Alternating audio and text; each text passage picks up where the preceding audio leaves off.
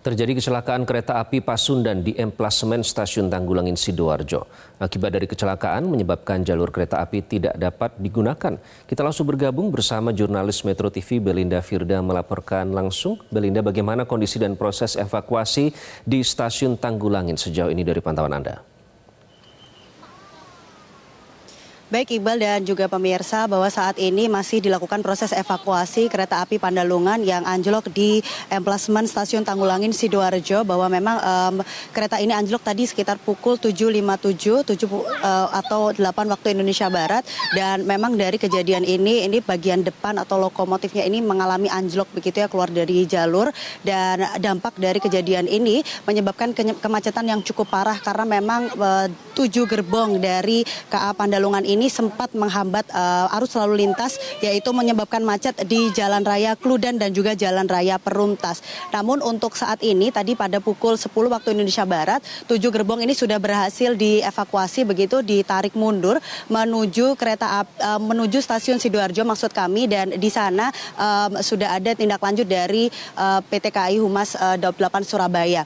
Dan untuk uh, tindak lanjut dari proses evakuasi ini informasi yang kami dapatkan dari manajer Humas Lukman Arif bahwa memang proses evakuasi nanti akan dilakukan pada pukul 3 sore atau 15 waktu Indonesia Barat dan memang terjadi beberapa uh, dampak alur dan juga um, perjalanan kereta api yang memang terdampak dari ker, uh, anjloknya kereta api Pandalungan ini. Iqbal. Lalu bagaimana kondisi penumpang kereta api Pandalungan sendiri, Belinda?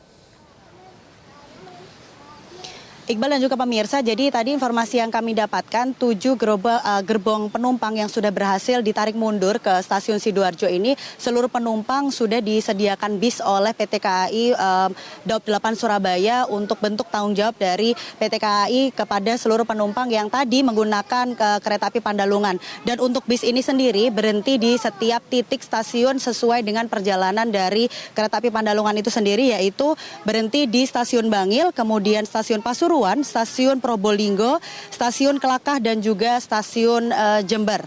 Begitu, Iqbal. Lalu bagaimana dengan perjalanan kereta api dari arah selatan ke Surabaya atau sebaliknya, Belinda? Baik, jadi ini um, memang terdampak ya um, perjalanan kereta api dari arah selatan gitu. Jadi ada uh, perubahan alur jalur yang memang dilewati oleh kereta api yaitu kereta api Logawa. Ini relasi Jember Surabaya Gubeng Purwokerto ini dilewatkan muter ke jalur Kertosono dan juga Malang. Kemudian ada juga kereta api Arjuna Express. Ini uh, informasinya dari Humas uh, KAI Daup 8 Surabaya ini dibatalkan 100%.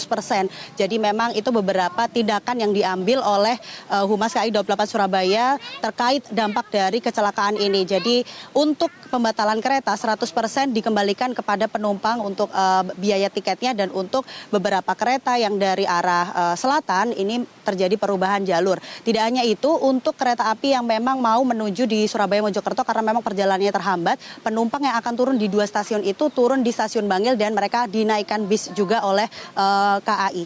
Begitu Iqbal. Baik, melaporkan langsung dari Sidoarjo, Jawa Timur. Terima kasih Belinda. Jelajahi cara baru mendapatkan informasi. Download Metro TV Extend sekarang.